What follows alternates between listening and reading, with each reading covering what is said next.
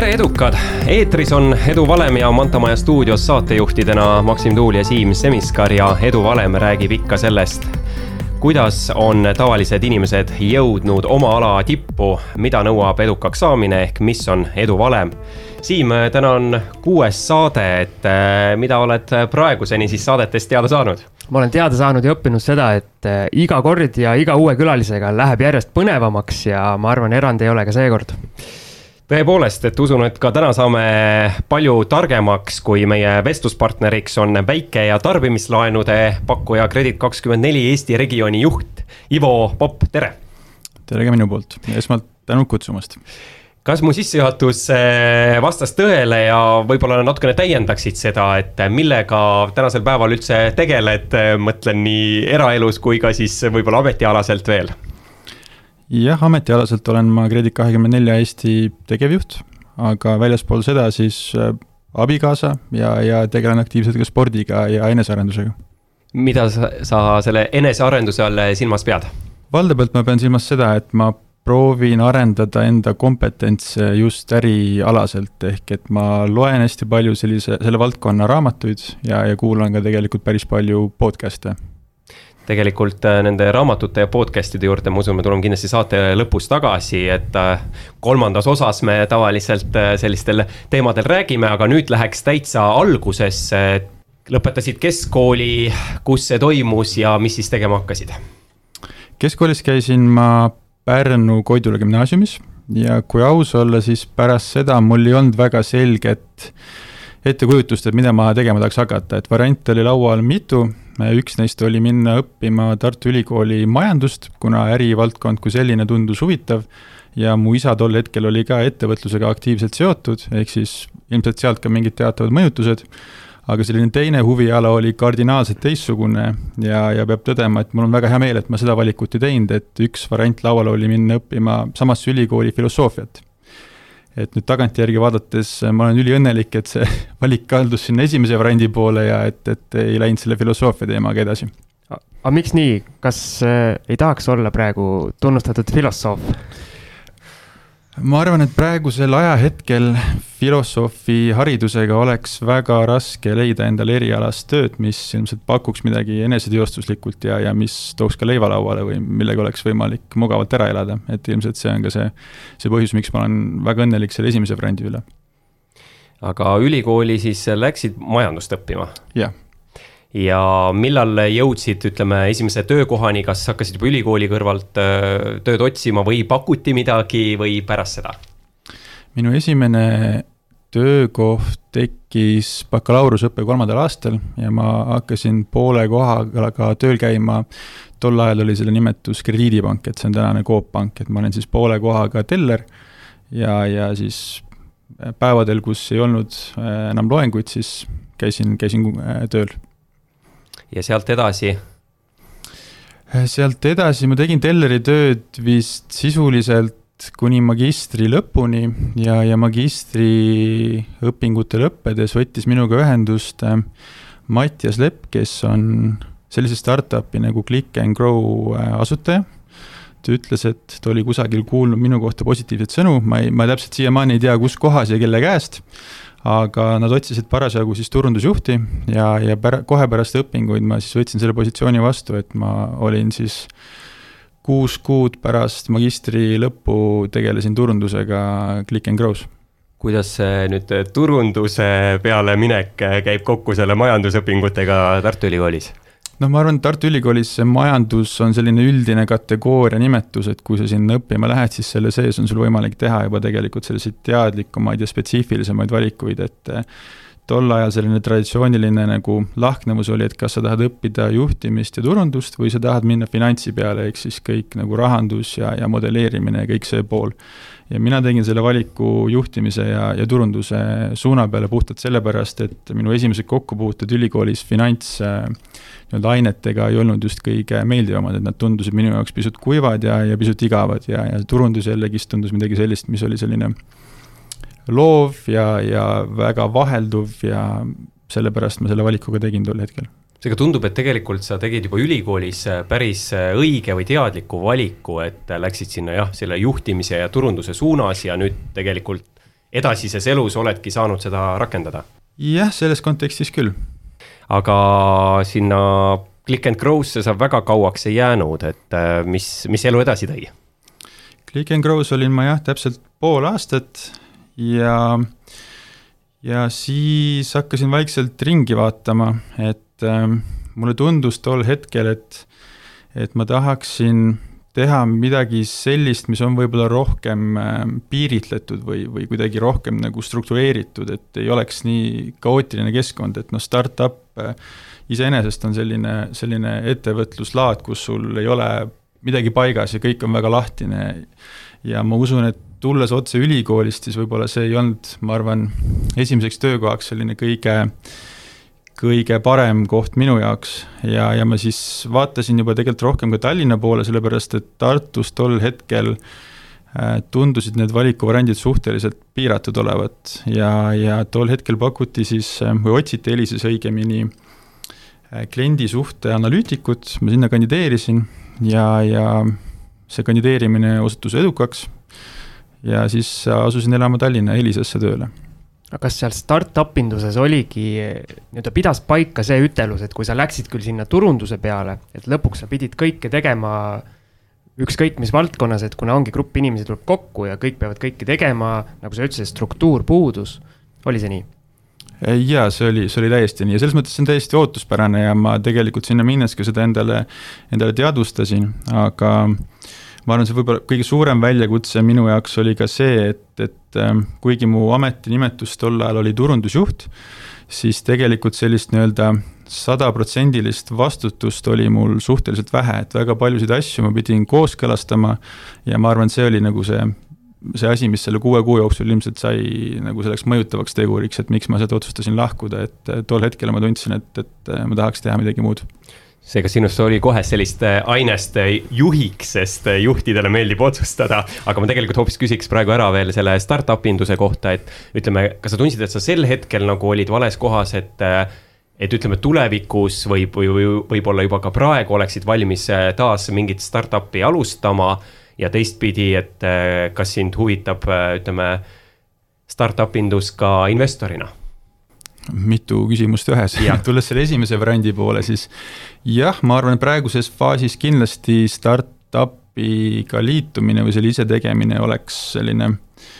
väga, väga huvitav väljakutse just selles kontekstis, et ma olen nüüd suurtes organisatsioonides omandanud päris palju kogemusi, et kuidas protsesse kujundada, kuidas eesmärke seada, kuidas äh, inimesi juhtida ja kõike seda pagasit oleks tegelikult praegusel hetkel ülihea kaasa võtta ja seda rakendada siis kuskil sellises just kaootilises keskkonnas, kus need kõik asjad on loomata või neid asju ei ole paigas, et äh, selles osas kindlasti ma arvan, praegu oleks väga õige aeg midagi sellist teha või, või sinna valdkonda ka vaadata. Aga inv-, investeerimise seisukohast, kas sulle tundub, et äh, praegu on selline, ma ei saa öelda, buum on selge liialdus, aga siiski päris populaarseks on äh, startup'id muutunud, et kas oled ka kuskil Funderbeamis või Funderwise'is tegutsemas? ma hetkel ise ei ole startup idesse investeerinud üldse, et äh, olen ka täheldanud, et buum on olemas nii-öelda, et sellest väga palju räägitakse, väga paljud inimesed seda teevad aga ma ise olen pigem eelistanud selliseid traditsioonilisemaid instrumente nagu aktsiad. aga läheme siis tagasi sinna Elisa juurde, et kandideerisid, äh, said tööle, kuidas seal läks? Läks hästi, ma arvan, et äh, algselt ma tegelesin, ma olin siis kliendibaasi analüütik ja minu peamiseks vastutusalaks oli siis äh, tol hetkel maksimeerida Elisa kõnekaardi klientide nii-öelda arveldust või siis tulu per klient sisuliselt ja, ja tegelesin siis klientide kasvatamisega ja klientide hoidmisega ja kõige sellega, mis selle ümber käis. ja seda tööd ma sain teha circa aasta aega, kui avanes meie siis nii-öelda osakonna sees tootejuhi ametipositsioon ja seda pakuti mulle ja, ja otsustasin selle siis ka vastu võtta ja, ja tootejuhi ametiroll oli siis sisuliselt, tootejuhina ma sisuliselt vastutasin siis kõikide Eesti eraklientide kõne ja mobiilsidepakettide eest, mis puudutasid siis nutitelefoni, ehk siis kõik, mis seondus siis kas telefoni või nutitelefoniga, erakliendi segmendiga, äh, selle poolega tegelesin mina. Mis sa arvad, miks sulle seda kohta pakuti? Loomulikult võiks juhtide käest küsida, aga yeah. selles mõttes, et ju siis sa pidid ikkagi millegagi silma paistma. Äh, jah, ma usun küll. Ja, ja kui tagasi mõeldes, ma olen tegelikult selle peale üsna palju ka mõelnud, et mis siis selleks määravaks sai, et et ma arvan, siin võib-olla selline võtmeomadus oli, oli selline soov asju ära teha ja, ja võib-olla ka selline proaktiivsus, et teha rohkem, kui siin sult tegelikult küsiti, et kui ma tagasi mõtlen, siis päris mitu sellist, ma ei tea, kas projekti või, või rutiini ma alustasin puhtalt sellepärast, et ma tundsin, et neid asju on vaja, mitte et keegi oleks palunud, et ma neid peaksin tegema. ja ma usun, et see jäi ka silma ja sealt ilmselt siis, siis see samm edasi ka tuli või see pakkumine edasi minna tuli. aga Max, sa alati saate alguses küsid minu käest, eh, mis eh, ma olen õppinud siiamaani siis praegu sellest viimasest vastusest mina võtsin välja selle, et kas äkki eduvalem võib olla see asi, et sa tööd tehes teedki rohkem, kui sult on palutud? jah, väga hea tähelepanek ja ma tegelikult tahtsingi küsida veel Ivolt, et äh, põhimõtteliselt siis juba suhteliselt, ütleme, karjääri algusest peale on sind ikkagi motiveerinud kindlasti tööd tegema siis äh, miski muuga peale raha, et ei ole nii, et äh, tunnist tunnini teed tööd, vaid sa ikkagi, kui sa tööl käid, siis sa tahadki anda endast parimat. jah, täiesti, täiesti nõus, et äh, kunagi ma tegelesin väga aktiivselt spordiga, mängisin korvpalli ja, ja sealt juba, ma arvan, mul on võib-olla sealt külge jäänud selline teatav kiiks, et ma tahan kogu aeg saada paremaks ja ma ei, ma ei taha, et keegi teine oleks minust parem, et see tekib selline sportlik viha, et, et sa pead äh,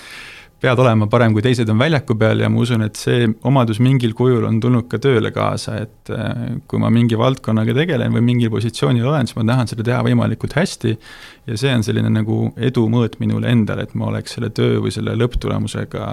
rahul kusjuures ma olen päris äh, palju kuulnud juhtidelt äh, sellist nagu spordiparalleeli ja tead, mis Siim on veel korvpalli puhul hea, et kui siin Ivo tõi välja, et nagu tahad parem olla. et selles mõttes hea potentsiaal edukaks juhiks äh, saamiseks, siis veel on korvpallis see hea, et ollakse meeskonnamängija. jah, ma ei oskagi selle peale midagi öelda no selge, aga lähme siis tagasi korraks veel sinna Elisa töö juurde, et kui said selleks tootejuhiks, et kas siis juba olid sul seal mingid alluvad ka või olid rohkem nagu protsesside juht? tootejuhina tekkisid juba esimesed alluvad ka jah, et äh, alguses oli mu tiim kaheliikmeline ja, ja kui ma nii-öelda vaatan oma toote juhtimise lõppaegade peale Elisas, siis lõpuks oli mul neli inimest, et äh, see oli siis see esimene koht, kus, kus olid sellised nagu päris inimesed, keda, keda juhtida ja kelle jaoks olid siis nagu number üks inimene kogu aeg seal kas oli raske ka seda teha, et ma mõtlen, et toona sa olid päris äh, ütleme, noor juht, et. Äh, et ma arvan, et seal, kui mitte kõik, siis vähemalt mõni alluv võis olla ka vanem inimene, et äh, kuidas noore inimesena lähed, ütled, et. kuule, et siin tuleb natukene rohkem pingutada kindlasti, kindlasti oli alguses väga raske ja ma usun, et see juhtimine, kui see on, noh, juhtimine iseenesest on selline asi, et sa õpid seda pidevalt oma karjääri käigus, et, et ma ei usu, et keegi saab kunagi öelda, et ta on nüüd juhina päris valmis, et see on niisugune pidev nagu enesetäiendamise ja õppimise teekond. ja, ja minu jaoks ma usun, et äh, need algusaastad olid kindlasti sellised, mis mis läksid üle kivide ja kändude mitmeski mõttes, et, et kui ma vaatan enda isiksusele peale, siis ma olen alati olnud selline pigem nagu introvertne inimene ja kinnine natuur ja, ja kui sa oled juht, siis sa tegelikult pead sellest kestast välja tulema, sa pead aru saama, et sinu alluvad on tegelikult võib-olla hoopis teistsuguse tüpaažiga, nad eeldavad hoopis teistsugust äh, käitumist, teistsugust eeskuju. ja siis sa pead pidevalt ennast vastavalt olukordadele muutma või kohandama, et, et äh, olla võimalikult efektiivne oma töös ja see kindlasti on väga suur õppimiskoht ja, ja ei tule lihtsalt. et ma jätkaks siit seda introvertsuse teemat, et juhina pead sa justkui ju tegelikult iga päev natukene ka esinema oma siis alluvatele või siis olema selline, kuidas ma ütlen, inimene, kes ma isegi nagu ei oska sõnastada, mis mu küsimus on see, et kuidas sa nagu introverdina oled oma seda poolt arendanud, et sa oled sihuke esineja ja suhtleja ja nagu seda poolt? ma arvan, see algab kõik empaatilisusest, et sa pead enda jaoks lahti mõtestama, et mida sa pead tegema selleks, et olla edukas. Ja, ja kui sa mõtled sealt paar sammu edasi, et kes on need inimesed, kellega sa igapäevaselt kokku puutud, mis, mis iseloomuga nad on, mis tüüpi nad on, siis sealt juba tekivad sellised vastused, et milline sa pead välja paistma, milline sa pead olema, kui sa tööle tuled äh, ja kui mõtled ka nagu enda nõrkuste peale, et kui ma tean, et ma olen introvertne inimene, kes ei lähe kohe esimese asjana kellegagi suhtlema, siis noh, see on selge asi, mida ma pean nagu muutma või, või teist, teist poole võimendama, et ole siis rohkem avatud, mine, mine ise juurde, küsi, kuidas läheb ja tunne rohkem huvi, et see on selline pidev igapäevane, ma arvan, teadvustamine, et mis on minu tugevused, nõrkused ja, ja millised on minu inimesed ja mida nemad ootavad kas sa siis ise ikkagi päris palju, ütleme, analüüsid ka iseennast, et äh, juba mainisid siin äh, meie vestluse alguses, et raamatuid loed, podcast'e kuulad, aga, aga ma ei tea, kas teed siis paberi peal mingeid analüüse, paned kirja oma tugevusi, nõrkusi või kuidas sa töötad nendega, kas sul äkki on ka mingi mentor? ei, mentorit mul ei ole, kuigi noh, võib öelda, et, et minu juhid läbi minu lühikese tööajaloo on olnud väga head mentorid või väga head sellised äh, coach'id, kes on, kes on juhendanud ja and, andnud äh, suunised. aga jah, see töö tegelikult endaga on igapäevane, et äh, noh, näiteks kui, kui sul on mingisugune koosolek, mis on pandud mingi kindla eesmärgiga ja kui see eesmärk ei, ei saabu või see ei õnnestu, siis on õige koht tegelikult tagantjärgi mõelda, et mis siis juhtus või mis siis valesti läks, et kas mu lähenemine oli kuidagi vale, kas ma jätsin midagi tegemata, kas ma mm, oleks võinud kuidagi teisiti probleemile läheneda, et, et äh, sellist eneseanalüüsi saab teha tegelikult äh, igapäevaselt ja, ja väga lihtsalt ka enda peas, et kui sul see koosolek lõpeb ja sa tunned, et see ei läinud hästi või et see ei viinud soovitud tulemuseni, siis noh, mis olid tegurid, mis selle põhjustasid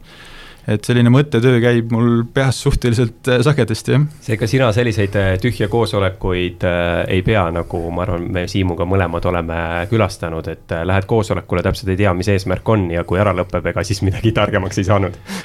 ma proovin küll kultiveerida sellist äh, rutiini, et meil on ikkagist koosolekud äh, mingi kindla eesmärgi pärast ja et me ka reaalselt otsustaks asju, et kui midagi otsustada pole vaja, siis ei ole vaja ka kokku saada. Aga noh, paratamatult, kui sa töötad suurtes organisatsioonides, siis sind tihti kaasatakse ka kellegi teise koosolekule, mis võib tunduda alguses väga hästi üles ehitatud ja hästi põhjendatud, aga mis selle käigus noh, selgub, et ei ole päris, päris nii. et siis on üsna keeruline seda, seda õiges suunas viia või selle produktiivsuse suunas. aga kas sa, ütleme, kui sa koosolekut äh, näiteks ise ette valmistad, et kas sa lihtsalt sead nagu mingid eesmärgid või kas sa oled ka siin lugenud, on tegelikult erinevaid äh, struktuure,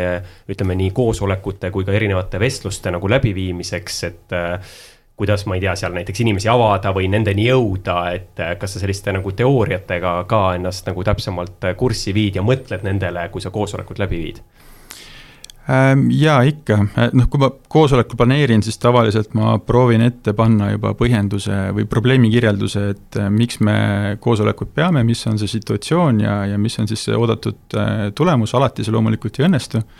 Aga enamasti ma proovin sellest printsiibist lähtuda ja siis teine oluline küsimus on, on see, et kes siis peaksid koosolekul osalema, et kes suudavad siis panustada selle probleemi lahendusse või kes suudavad kaasa aidata. Aga mis puudutavad neid erinevaid tehnikaid, siis, siis jah, ma proovin nendest lähtuda, ma proovin koosoleku käigus hoolitseda selle eest, et kõik tunneksid ennast turvaliselt, ehk et äh, kui on mingi teema laual, et keegi ei kardaks midagi öelda või arvamust avaldada, ja ma proovin siis äh, vältida ka seda, et, et mingisuguseid ideid tugevalt kritiseeritakse, et see öeldakse ka te teooriast lähtuvalt, et selleks, et koosolek oleks võimalikult produktiivne, et sa saaksid need kõik paremad ideed äh, lauale, siis kõige selline olulisem kriteerium on, et kõik peavad tundma ennast turvaliselt, et äh, et kellelgi ei tohi peas olla seda hirmu, et kui ma nüüd ütlen midagi valesti, siis see on väga halb või selle üle naerdakse või selle tehakse maha, et, et see on, see on see asi, millega ma proovin tööd teha. Siim, ma pean ütlema, mulle väga meeldib Ivo jutt, ma tahaks tema koosolekule minna. Minul tuli äh, selline meenutus või ma olen, ma olen töötanud ühes suures organisatsioonis, kus äh, oli kokku lepitud iganädalane esmaspäevane koosolek, mis eh, noh, julgelt pooltel juhtudel oleks võinud tegelikult täiesti olla kokku kutsumata, sellepärast et tulidki inimesed kokku, nentisid fakti, et midagi rääkida ja midagi otsustada ei ole ja siis mindi jälle laiali, aga jälle nii-öelda inimestel on nii-öelda keskendumine on kadunud, ütleme julgelt tund aega nii-öelda produktiivsust on kõigil inimestel nagu luhtas, et eh, kui palju sina oled näinud selliseid äh, Äh, nii-öelda kokku lepitud koosolekuid, et me saame igal juhul iga nädal mingi kell kokku, kuigi tegelikult võib-olla ei oleks vaja? ma pean ütlema, et minu kogemustes selliseid, selliseid juhtumeid, kus sellised asjad toimuks regulaarselt, ei ole just väga tihti olnud, et äh, selles mõttes näiteks Elisa peale mõeldes, siis ma arvan, et sealne juhtimuskultuur tervikuna on väga hea või väga kõrgel tasemel ja inimesed, inimestel on väga palju tööd ja väga palju koosolekuid, nii, muidugi, et et seal inimesed kuskil oskavad, oskavad seda märgata või sellest aru saada, kui tänaseks koosolekuks teema, teemasid ei ole ja siis lihtsalt jäetakse ka ära, et selles mõttes ma arvan, mul on hästi läinud. Ja üks asi veel, mida mina olen kogenud eh, nii-öelda töötaja poolelt, on see, et mul on tunne, et juht eh, kutsub koosolekuid kokku selleks, et eh, sa või viia ennast kurssi, mis on vahepeal tehtud. kuigi tegelikult see on samamoodi teiste inimeste aja raiskamine, kes seal koosolekul istuvad ja võiks nagu nii-öelda üks-üks seda teha mm. -hmm. oled sa nõus sellega? Äh, siin on kaks poolt, et äh, ma arvan, sellised ühised nii-öelda tiimikoosolekud kord nädalas on väga vajalikud ka selleks, et teised liikmed saaksid aru, millega siis ettevõttes üldiselt tegeletakse ja kui on valdkondi mitu, et siis millega üks või teine valdkonnajuht tegi, tegeleb, et see on selline väga hea ka info jagamise koht ja, ja ka mina harrastan selliseid regulaarseid ühe, kord nädalas nagu tiimikoosolekuid, ka selle eesmärgiga, et vaadata üle siis terviklikuna tulemused, et kuidas meil on läinud, kas me liigume õiges suunas ja siis minna juba nii-öelda valdkondade kaupa, et mis on mingisugused update'id või projektid ja, ja staatused, et kõik oleksid siis äh, ühiselt pardal. aga üldiselt jah, ma arvan, selliseks nii-öelda ähm, individuaalseks arusaamiseks, et kas sinu üks konkreetne töötaja panustab ja saavutab eesmärke ja tegeleb asjadega, et selle jaoks õigem formaat on kindlasti üks-üks koosolek ja ja ma arvan, et üks-üks koosolekuid peaks iga juht tegema oma inimesega vähemalt korra nädalas, et tund aega rääkima seal siis põhilised nii-öelda KPI-d ja asjad üle ja, ja siis andma vajadusel nõu ja, ja andma ka lisainformatsiooni. Et ühesõnaga sellist olukorda ei tohiks tekkida, et koosolekul on keegi inimene, kes täpselt ei saa aru, miks ta seal on ja siis koosoleku lõppudes äh, mõtleb, et noh, et mind ei olnudki vaja. jah. ja tegelikult mina haaraks veel kinni ühest äh, mõttest, äh, mida siin mõned minutid tagasi mainisid, et, et sa alati nagu annad võimaluse inimestel ideid lauda tuua ja välja öelda, et ma eelkõige küsiks nagu selle nurga alt, et kas mõnikord on seda ka raske teha, et kui sa tuled koosolekule, ütleme, on mingi no ütleme, probleem õhus, mida on vaja lahendada ja sa selgitad seda oma meeskonnale ja samas sul on peas nagu olemas ju arvatavasti juba mingi lahendus. aga nüüd, et äh, tegelikult ju sa ei tohiks seda kohe välja pakkuda, et inimesed saaksid äh, pitch ida siis nii-öelda oma, oma ideid. et äh, kas on neid olukordi olnud ja kui raske siis on nii-öelda oma seda juba lahendust tagasi hoida? Jah, neid olukordi, ma arvan, iga juhi töös või elus on väga-väga palju, et äh, paratamatult, kui sa oled juht ja teadvustad probleemi, siis mõte läheb kohe ka tööle, et mis see lahendus võiks olla. ja, ja sul on selles mõttes täiesti õigus, et, et kõik sellised juhtimisalased raamatud räägivad ka sellest, et kui tiimi keskselt otsustatakse mingi lahendus või, või leitakse mingisugune lahenduskäik, et siis inimesed panustavad sellesse rohkem või võtavad seda nii-öelda pühendumult, et see ka ellu viia. ja siis ongi hea selliseid selliseid nagu rollimänge teha põhimõtteliselt, et sa proovid siis selle ühise diskussiooni käigus jõuda selle lahenduseni, mis sul juba peas on, aga aga tegelikult, mida ma tihti olen ka tajunud, on või, või mida ma olen tihti avastanud, on ka see, et, et äh, ka sinu inimestelt võib tulla tegelikult veel palju paremaid ideid kui see, mis sa ise oled enda peas nagu valmis formuleerunud, et äh, selles osas on neid, neid ühiseid nagu brainstorm'e ka väga hea teha. aga oled siis suutnud nagu nii-öelda oma lahendusest loobuda või seda lahti lasknud? ma proovin olla küll alati väga avatud muudele ideedele ja mitte iseenda arvamusse kinni jääda, aga noh, ma arvan, et siin ei ole mina õige inimene hindama, et kuidas see päriselt ka välja paistab, et see on selline asi, mida ma endale teadvustan, et ma olen tegelikult selline üsna põhimõttekindel inimene või selline omas asjas kinni inimene ja, ja see võib tulla mulle raskelt, et ma arvan, et siin võib-olla tasuks küsida minu kolleegidelt selle kohta informatsiooni, et kuidas see päriselt siis ka õnnestub, aga, aga see on mingi asi, mis mul kuklas kogu aeg on, et et päriselt nagu faktidele otsa vaadata ja, ja pros and cons ja, ja vaadata, mis siis see tegelikult kõige efektiivsem või parem variant on edasiminekuks. nii, aga et meie selline sissejuhatav osa kokku võtta, siis äh, pärast Elisat äh, läksid äh, Circle K-sse? just. ja mis sa seal tegid? Circle K-s olin ma mootorikütuste kategooria juht, ehk siis sisuliselt vastutasin kogu kütuse tarneahela eest eh, Eestis ja, ja ka hinnastamise eest ja, ja tulude eest ja kulude eest. ja siis eh, tuligi juba Kredit kakskümmend neli? just. aga enne, kui hakkame rääkima sellest, kuidas seal juhtimine välja tuli või käib, teeme lühikese pausi ja seejärel ära ka meie välkküsimuste vooru ja jätkame Manta majas intervjuud Kredit24 Eesti regiooni juhi Ivo Popiga ja meil on ette valmistatud tosin küsimust, millele tuleb siis vastata ütleme poole sekundi jooksul, nii et ära pikalt mõtle, mis esimesena pähe tuleb, seda vasta ja hakkangi kohe pihta. esimene küsimus, praemuna või keedetud muna? keedetud muna. hõbe või kuld? kuld. poliitika või sport? Sport. Ivo Linna või Villu Tamme? Villu Tamme. pingviinipoeg Loolo seiklused või jääaeg? jääaeg. London või Pariis? Pariis. televiisor või raadio? televiisor. Aktuaalne kaamera või seitsmesed uudised? Aktuaalne kaamera. Igor Mang või Viktor Vassiljev ei kumbki Audi või BMW? Audi. Bruce Willis või Marko Matvere? Ikka Bruce Willis. ja blond või brünett? brünett. no palju eh, huvitavaid vastuseid, eh, kindlasti meile Siimuga meeldis see, et poliitika või sport tuli vastus eh, sport, aga küsiks võib-olla selle kohta, et Igor Mang või Viktor Vassiljev, et vastasite ei kumbki, et selles mõttes, et päris selliseid tähetarku ei usu ja terviseabi ka ei vaja. jah, see esoteerika valdkond kui selline on, on võõras minu jaoks ja Viktor Vassiljevi eh, tervisepotit ei ole ka jälginud ei ole jälginud. aga tundub, et Aktuaalne kaamera käib sinu päevakavasse? kui ma satun olema sel ajal teleri taga, siis jah, see on asi, mida ma vaatan. ja noh, selles mõttes küsimus oli sõnastatud ka selliselt, et eh, kontrastis teiste uudistesaadetega, et ma arvan, mõeldes kvaliteedi peale, siis seal ei ole, ei ole väga küsimustki. ja siis eh, Ivo Linna või Villu Tamme, et vastasid Villu Tamme. kas see vastus oli tingitud sellisena vähestest variantidest või, või reaalselt ka oled äh, sellise muusika austaja? tead, see oli täiesti eksprompt vastus, et ei ole tegelikult äh, selle muusika suurim austaja, aga kuidagi tundus tol hetkel õige. aga kuuled üldse muusikat või mis muusikat kuulad? ma kuulen täitsa seinast seina muusikat, et äh, sihuke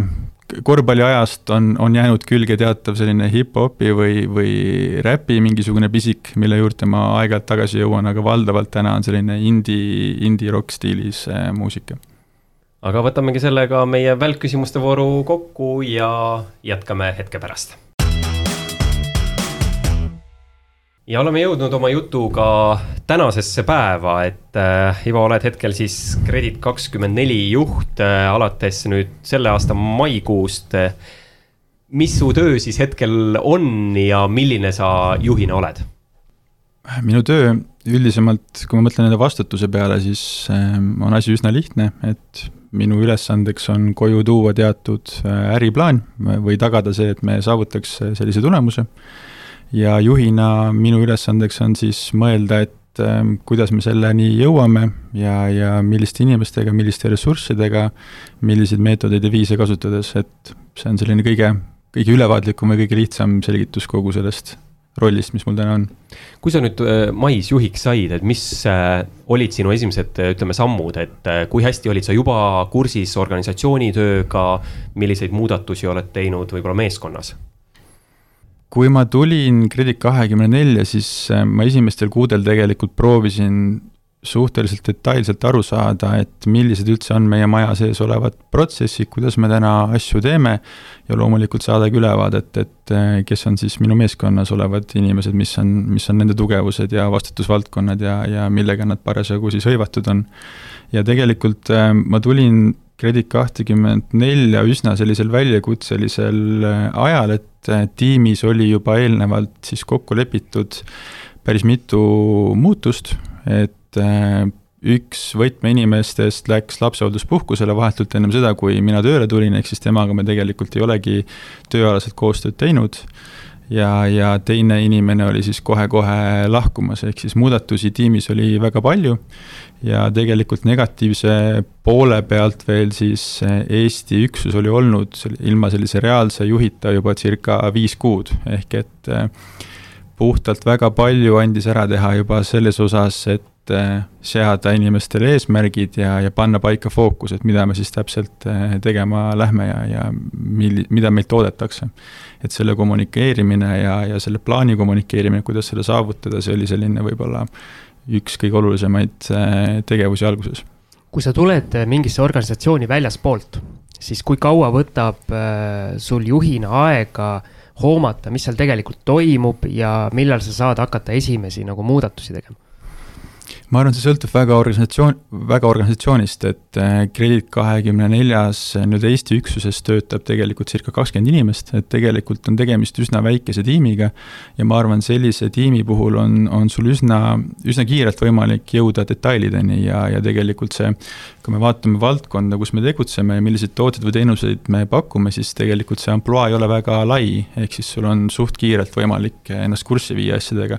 aga ma kujutan ette, et kui tegemist on ikka suurettevõttega, kus on, ma ei tea, viissada kuni tuhat inimest ja, ja toodete range on, on väga lai, et siis see võib võtta ikka kuid, et täpselt nüanssidest aru saada ja aru saada, mis on siis pudelikaelad ja kuidas neid siis neutraliseerima hakata ja kuidas organisatsiooni edasi viia aga kuidas sa selle koha üldse said, selles mõttes, et eh, kas sulle tehti pakkumine või sa kandideerisid? see on iseenesest huvitav lugu, et eh, tegelikult eh, ma kandideerisin äh, just selle inimese ametikohale, kes läks lapsehoolduspuhkusele, et tema oli siis äh, tegelikult Kredit kahekümne nelja Eesti turundusjuht või siis nii-öelda business manager. ja, ja sellele positsioonile otsiti siis avaliku konkursiga inimest ja ma kandideerisin sinna ja tundub, et äh, vestlused, intervjuud läksid üle ootuste hästi, et mulle ühel hetkel helistati öeldi, et tead, me pakuksime sulle hoopis Eesti tegevjuhi kohta ja, ja väga atraktiivne pakkumine ja kindlasti samm edasi minu jaoks karjääris, et otsustasin selle vastu võtta. aga siis tuli ka, ütleme, asutuse poolt mingeid suuniseid, et, et mida sa peaksid hakkama nüüd ellu viima või pigem ütleme, see visioon siis arvatavasti, mida sa seal ütleme, kandideerides esitasid, et, et see läks nagu kokku siis äh, juhatuse omaga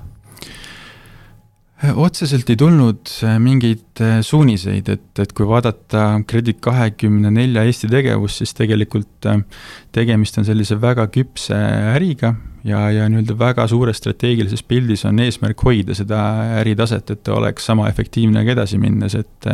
Kredit kakskümmend neli on Eesti turul tegutsenud juba circa viisteist aastat ja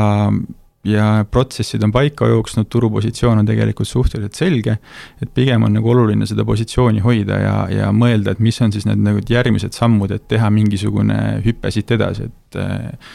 et see oli see nagu see, see ütleme, suur suunis, mis mulle anti, et, et välja mõelda siis tegevusplaan, kuidas siis äri tulevikus kahekordistada, aga noh, see ei ole, see ei ole kindlasti mingi lihtne ülesanne.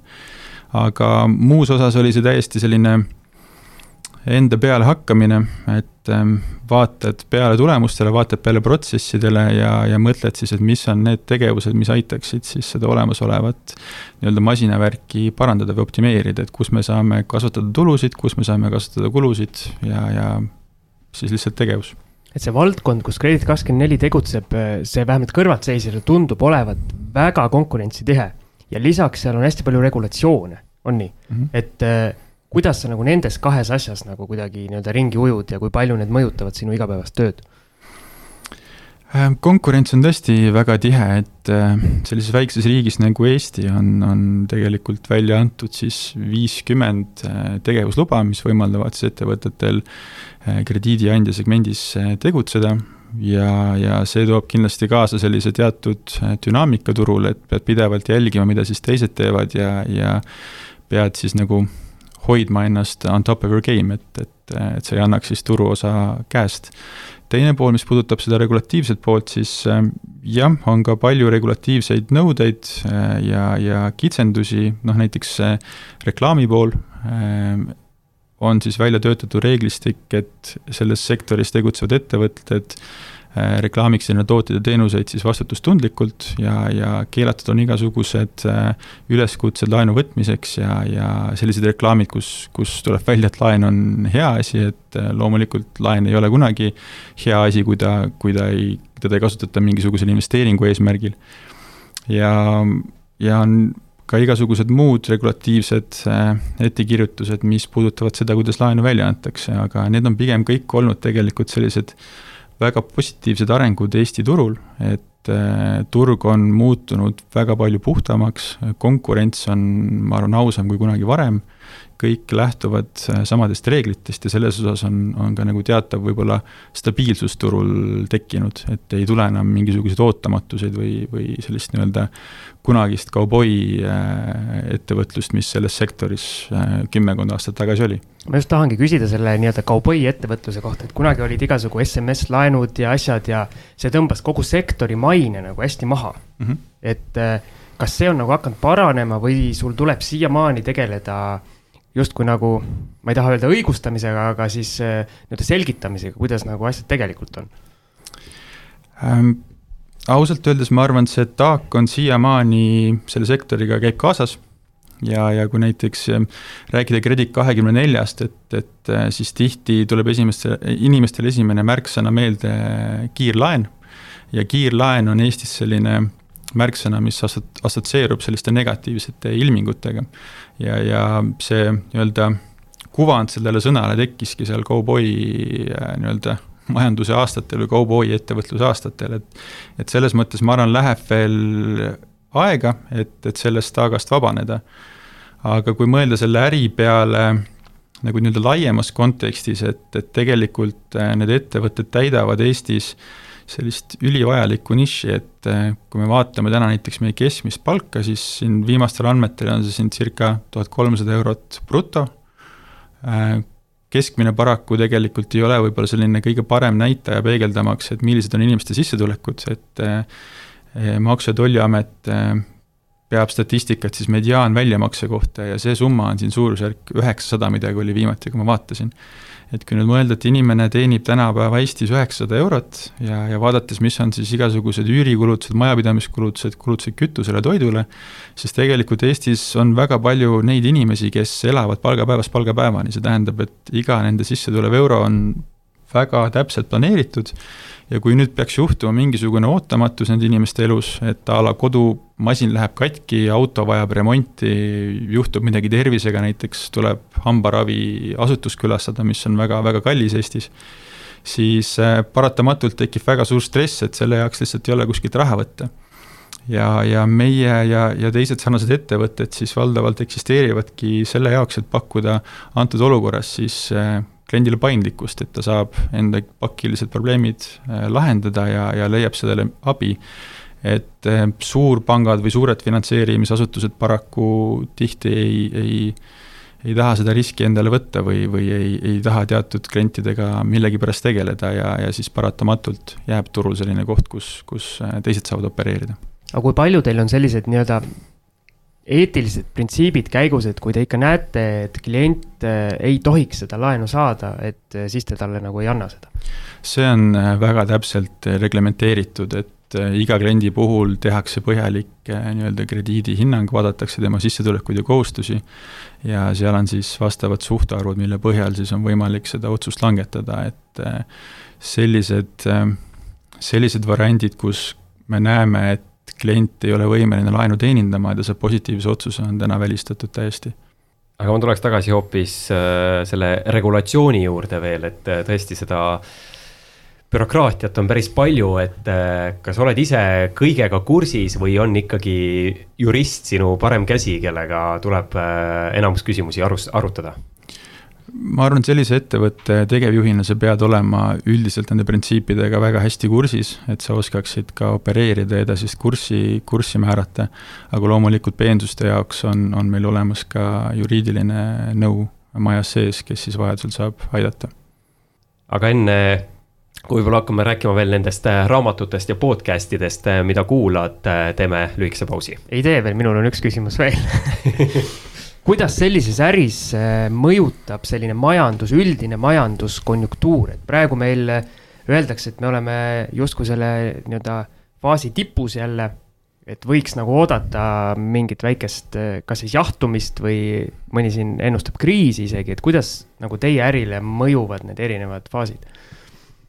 Põhimõtteliselt, kui majandusel läheb hästi, siis mis siis juhtub, on see, et tööhõive on väga heal tasemel, et inimestel on töökohad. see tähendab, et tegelikult ka selline laenu teenindamise võime on väga hea, et kui on töö, kui on regulaarne sissetulek, siis on ka võimalus äh, kohustusi tagasi maksta.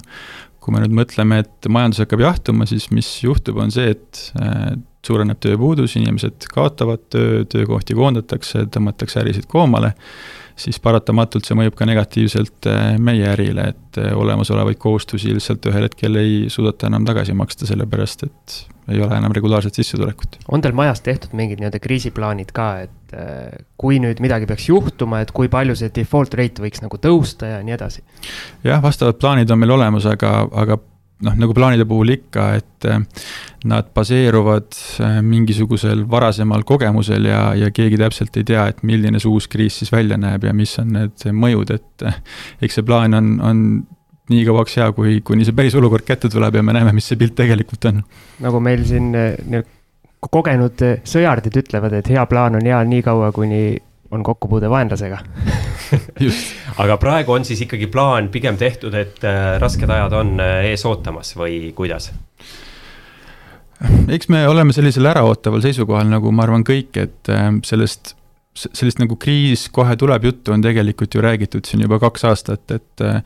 ma mäletan, kui, kui mina hakkasin omale eluasemeks korterit ostma, siis see oli aastal kaks tuhat kuusteist, kus räägiti, et äh, Eesti kinnisvaraturg on nüüd noh, täiesti tipu lähedal juba ja kohe tuleb suur kukkumine, aga kui ma praegu vaatan tagasi, siis noh, jumal tänatud, et ma ostsin, et praegu oleks äh, palju keerulisem ja palju raskem et selles mõttes on, on väga keeruline siit mingit ühtset vastust anda. jah, ma kolisin ka kaks tuhat seitseteist alguses, et siis öeldi, et no nüüd on täielik tipp, aga sealt on ikka kõvasti-kõvasti üles läinud. aga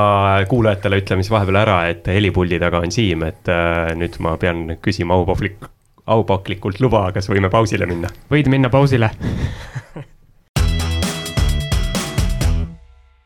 ja oleme tagasi Manta Maja stuudios ja vestluspartneriks endiselt Kredit kakskümmend neli juht äh, Ivo Popp ja meie juba vestluse alguses mainisid, et äh, päris palju loed äh, juhtimise kohta, kuulad podcast'e, et kindlasti paljud meie kuulajad on ka huvitatud, et mida siis Kredit kahekümne nelja juht ütleme siis alustuseks kuulab peale eduvalemi ma kuulan valdavalt välismaiseid podcast'e, et kunagi ma kuulasin suhteliselt, või noh, iga kord, kui uus osa välja tuli, kuulasin Tim Ferrist, aga viimasel ajal ma olen, olen sellest kuidagi eemale jäänud, et ühel hetkel see hakkas tunduma kuidagi liiga kommertslik või liiga kuidagi selline vähe väärtust andev ja täna ma olen väga nii-öelda vaimustuses Joe Roganist, ehk siis kui temal tulevad uued osad, mis ei ole just tema koomikus sõpradega tehtud, et eh, siis neid ma kuulan suurema huviga, seda ko-, koomikute poolt, eh, sellest ma hoian natukene eemale. ja, ja lisaks ma kuulan siis ka sellise mehe podcast'i nagu Sam Harris, kes on kirjutanud ka mitmeid raamatuid nagu siin eh, Waking Up ja, ja ja mis tal seal veel olid, erinevad sellised ütleme, spirituaalse teemaga raamatud ja tal käivad ka tihti siis äh, külalised väga erinevatest eluvaldkondadest, et on väga, väga hariv ja selline silmaringi avardav kuulamine. aga kas Eestis äh, selliste ma julgeks öelda, kõige kuulsamat meest, kes küll vahepeal siin podcast'e ei teinud, aga viimasel ajal jälle elustanud Anthony Robbinsit äh, ka oled kuulanud või isegi käinud siis mitte ainult podcast'i kuulamas, vaid kuskil kohapeal? Ei, teda ma ei ole kohapeal kuulamas käinud ja ma ei teadnud ka tegelikult, et tal podcast on, aga ma kunagi lugesin tema mingisugust raamatut, aga kuna tal on nii palju, siis ma paraku ei mäleta enam, mis see, mis see täpne tiitel oli, vist midagi Unleash the power within you või midagi sarnast igastahes. et selles mõttes oled ka selles osas kursis, aga kui lähme nüüd natukene raamatute poole, et siis äh, võib-olla meie kuulajatele lugemissoovitus jah, lugemissoovitus, see on, see on selline väga keeruline küsimus, sest et äh, ma arvan, et äh, see sõltub väga sellest, kes see kuulaja on ja mis tema täpsed äh, huvid on, et ma ise, ise alustuseks lugesin päris palju erinevaid turundusega seotud raamatuid, siis ma olin kuidagi juhtimise teema peal ja praegu ma proovin siis nagu rohkem liikuda sinna finantstemaatika poole. et nagu sellised täiesti ka erineva nagu sihikuga raamatud, aga kui öelda mingeid häid soovitusi viimastest lugemite, lugemistest, siis äh, Keith J Cunninghami teosed, üks on äh,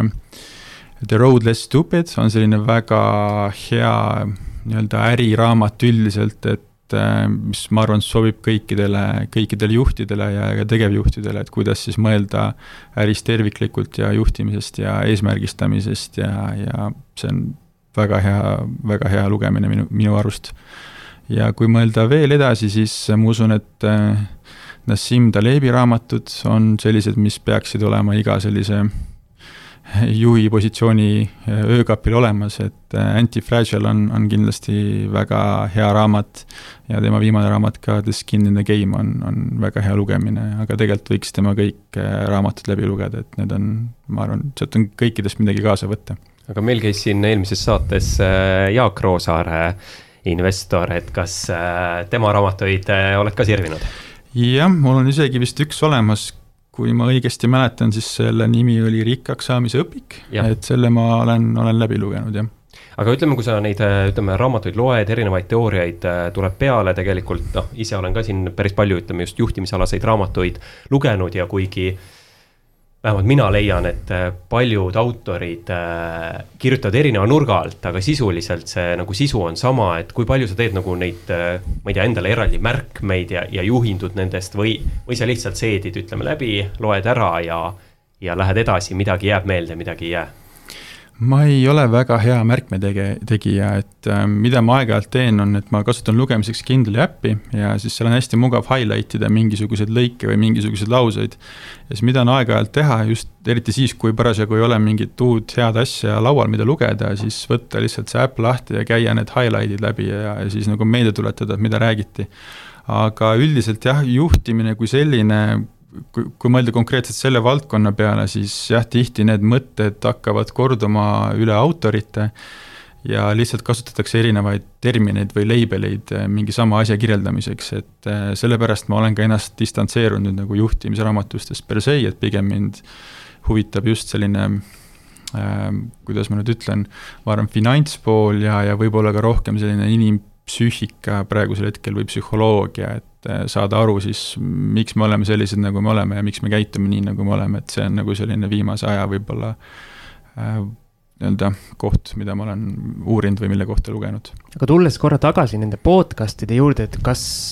kas sa märkad, et see post, podcast'i meedium äh, on nagu arenev valdkond ja ta on veidi nagu kiirem kui raamatud, eks? Arvad sa üldse, et see podcast indus võib-olla võtab ühel hetkel selle lugemise ja raamatud üle või need on täiesti erinevas kategoorias? ma arvan, ta päris üle ei võta, et ähm, ma olen natuke teise nurga alt selle teema peale äh, mõelnud, et näiteks kui ma enda nii-öelda info tarbimisharjumusi vaatan, siis ma olen jõudnud sellise optimumini, et äh, kui on mingisugune keeruline, keerulisem raamat või keerulisem teema, mis läheb selliseks väga praktiliseks ja võib-olla tehniliseks, et siis ma pean seda lugema, sellepärast et ma ei suuda seda kuulata ja siis seda mõttest läbi lasta ja siis ka ühel hetkel aru saada, et ilmselt see tuleneb ka sellest, et ma ennekõike, mul on silmamälu ja ma pean nägema asju, et nendest nagu täpselt aru saada. aga teine pool on jälle see, et kui on mingisugused autobiograafiad või sellised nagu jutustavamas stiilis äh, raamatud näiteks, et siis sobib ülihästi Audible või selline audioversioon, et lähedki jooksma või lähed trenni või lihtsalt liikumises kuulad seda, et sa ei, sa ei pea nii süvendatult selles sees olema ja sa saad ikka selle nagu sisu või content'i sealt kätte. et kui nüüd mõelda podcast'i peale, siis äh, podcast'e on muidugi väga-väga erinevaid ja, ja ilmselt see sõltub ka kuulajast kui sellisest, aga, aga ma arvan, et ta päris seda raamatu nišši endale täielikult ei saa, sest et on ikka nagu sellist väga süvendatud teemasse minekut, mis eeldab seda, et sul on reaalselt visuaalselt midagi ees ja et sellest aru saada. Kui Ivo ütles, et temal on selline silmamälu ja tema peab lugema, siis minul on näiteks podcast'ide kuulamisega selline huvitav asi, et kui mul midagi nii-öelda klikib, kui ma kuulan podcast'i, siis mul alati jääb meelde, kus ma tol hetkel olin või mida ma tegin ja siis hiljem, kui ma seda teemat nagu edasi mõtlen, siis mul alati peas on eh, just see mälupilt, kas sellest asukohast või sellest tegevusest. Aga mina hoopis tahtsin küsida seda, et äh, nimetasid siin palju raamatuid, nii et ma näen, et äh, oled palju lugenud, aga, ja nagu öeldakse, juhid peavadki palju lugema, et kogu aeg ennast arendada ja olen kuskil kuulnud sellist ütlust, et no põhimõtteliselt miinimum, mida peaksid lugema, on äh, igas kuus vähemalt üks raamat. mina selle aasta alguses pean ütlema, olin ülitubli, esimese kahe kuuga lugesin kolm raamatut, aga edasi on läinud päris raskelt, et äh, mis sa arvad, kuidas sul see, ütleme, umbes siis keskmine tuleb või, või, või, või kui palju sa loed? Ma olen selles samas kohas olnud, kus, kus sina olid, et äh, ma mäletan aastaid, need olid kolm-neli aastat tagasi, kus ma panin endale uue aasta saabudes, panin eesmärgi, et see aasta ma loen kolmkümmend eriraamatut. ja seda ma siis tegin kaks aastat järjest ja see eesmärk oli mul kolmkümmend, ehk ma oleks pidanud siis nagu lugema circa kaks ja pool kuus aga ma ei, ei küündid nendeni ja, ja ma ühel hetkel nagu teadvustasin ka seda endale, et tegelikult see ei ole võib-olla selline kõige kõige õigem nagu KPI või see on selline natuke nagu ebe, edevus KPI, et noh, tegelikult sa võid selle arvu täis saada, lugedes ka mingisuguseid selliseid mitte midagi andvaid raamatuid. just, ja kui sa võtad jällegist mingi sisukama teose ette, mis nõuab palju süvenemist ja mis läheb väga aeglaselt, et siis sa justkui ei, ei, ei jõua selle tähiseni, et kas sa siis sellest tulenevalt oled siis nagu vähem teinud või vähem püüdnud, et ma nüüd olen sellest nagu poolest loobunud. aga ma just hiljuti tegin endale sellise account'i nagu, nagu Goodreads, et äh, just selle mõttega, et saada selliseid äh, minu jaoks personaliseeritud soovitusi, et kui ma nüüd olen mingeid asju lugenud, millele ma olen kõrge reitingu andnud, et no üks asi on vaadata Amazonist, aga kuidagi see Goodreads annab natukene teistsuguseid soovitusi sinna juurde, et saada sellist laiemat spektrit siis, mida ma siis järgmisena võiks lugeda. siis ma suutsin sinna lisada kokku, oli see vist sada seitsekümmend raamatut ja ma pean ütlema, et minu selline äh, tõsisem nagu lugemishuvi algas äh, äh, kuus aastat tagasi või seitse aastat tagasi, kus ma endale tegelikult Kindle'i hankisin ja hakkasin siis nagu regulaarselt äh, seda meediumit tarbima, et, et sealt saab teha siis mingi sellise arvutuse, et palju selle aasta peale kokku umbes tuleb, aga.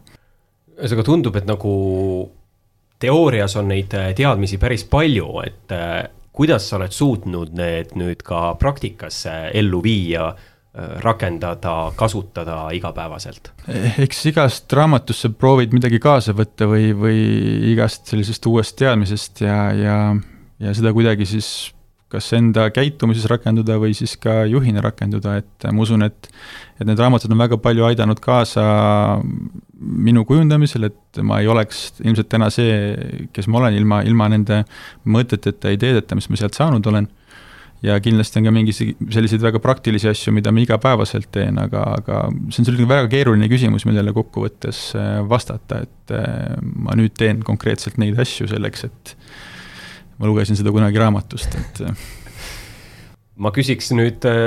juba selliseid lõpuküsimusi, ma ei tea, kas Siim vahepeal tahab vahele segada? ja ma vahele küsiks sellist asja, et kui sa siin mainisid, et Jaak Roosaare rikkaks saamise õpik on loetud, et kas äh, sa igapäevaselt tegeled ka nii-öelda väike, väikeinvestorina, kas sul on investeeringuid?